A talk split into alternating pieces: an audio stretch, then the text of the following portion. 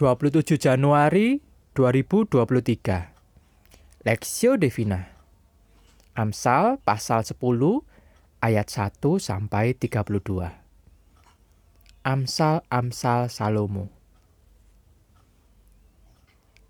Anak yang bijak mendatangkan sukacita kepada ayahnya.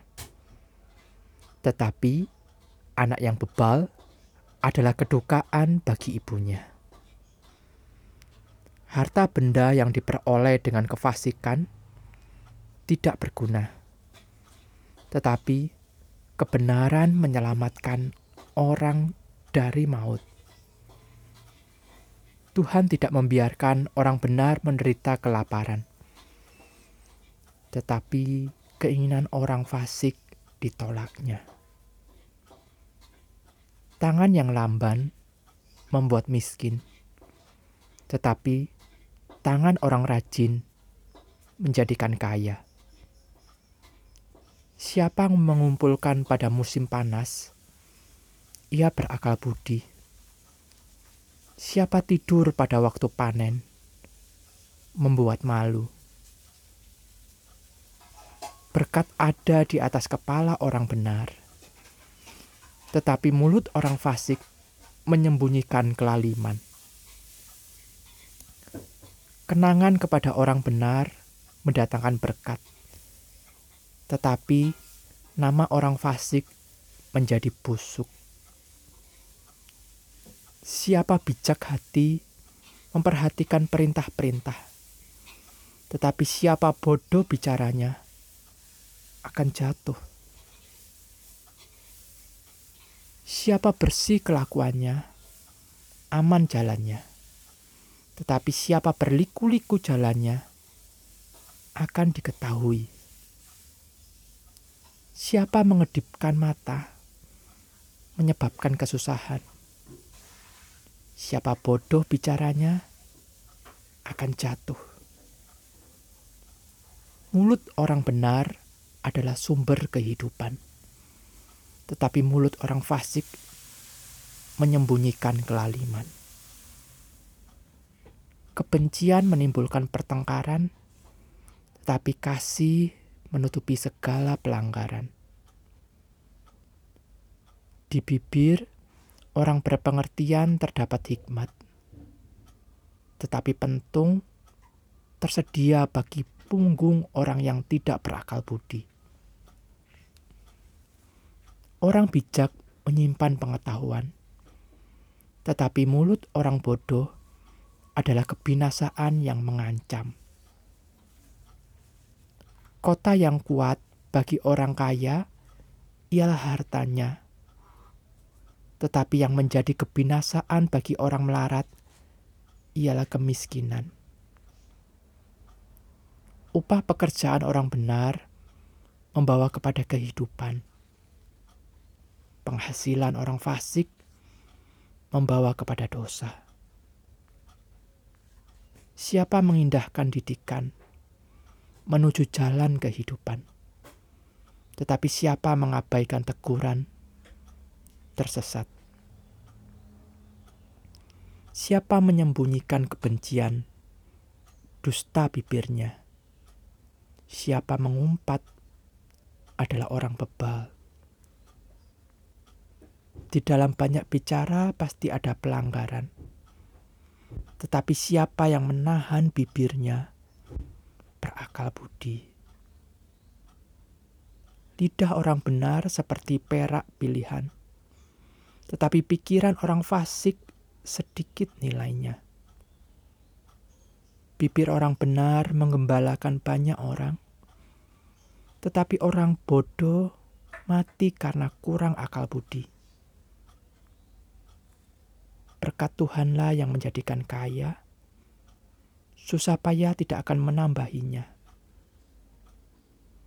Berlaku cemar adalah kegemaran orang bebal, sebagaimana melakukan hikmat bagi orang yang pandai.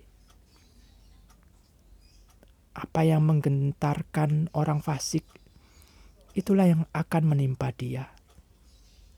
Tetapi keinginan orang benar akan diluluskan. Bila taufan melanda, lenyaplah orang fasik. Tetapi orang benar adalah alas yang abadi. Seperti cuka bagi gigi dan asap bagi mata. Demikian si pemalas bagi orang yang menyuruhnya. Takut akan Tuhan memperpanjang umur, tetapi tahun-tahun orang fasik diperpendek. Harapan orang benar akan menjadi sukacita, tetapi harapan orang fasik menjadi sia-sia. Jalan Tuhan adalah perlindungan bagi orang yang tulus, tetapi kebinasaan bagi orang yang berbuat jahat. Orang benar tidak terombang-ambing untuk selama-lamanya, tetapi orang fasik tidak akan mendiami negeri. Mulut orang benar mengeluarkan hikmat, tetapi lidah bercabang akan dikerat. Bibir orang benar tahu akan hal yang menyenangkan, tetapi mulut orang fasik hanya tahu tipu muslihat.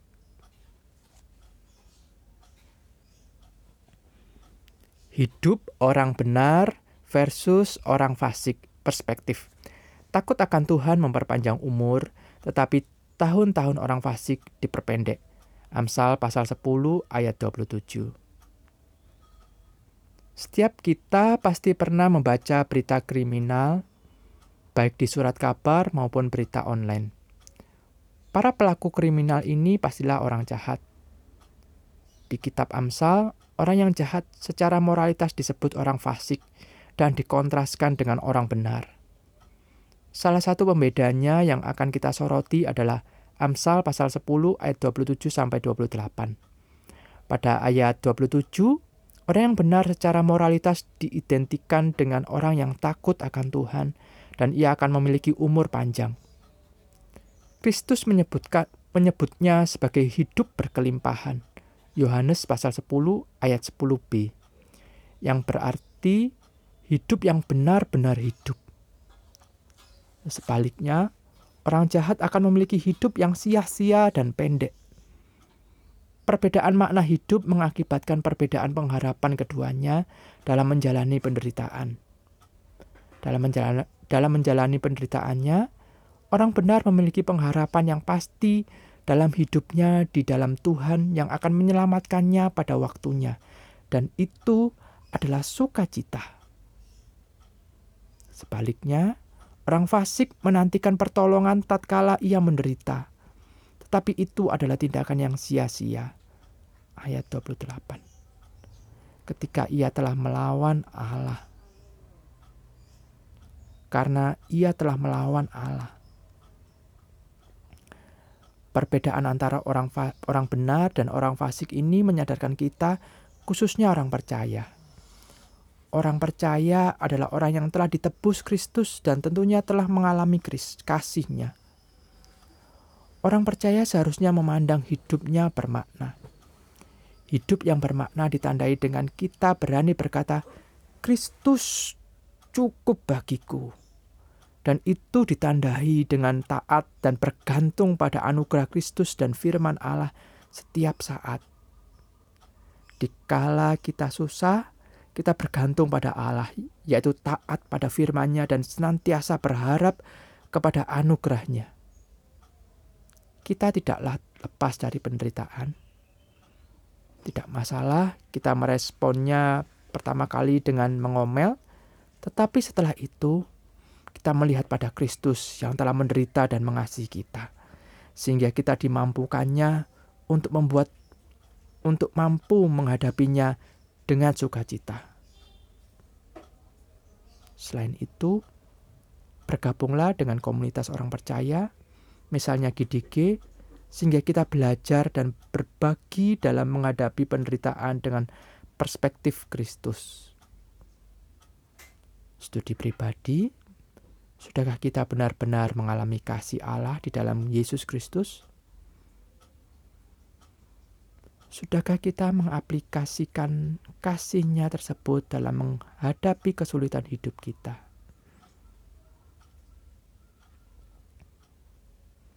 Pokok doa, berdoa agar Allah menguatkan kita dan sesama orang percaya yang sedang mengalami penderitaan. Allah memakai kita untuk menguatkan semua orang percaya di dalam komunitas GDG yang sedang menderita.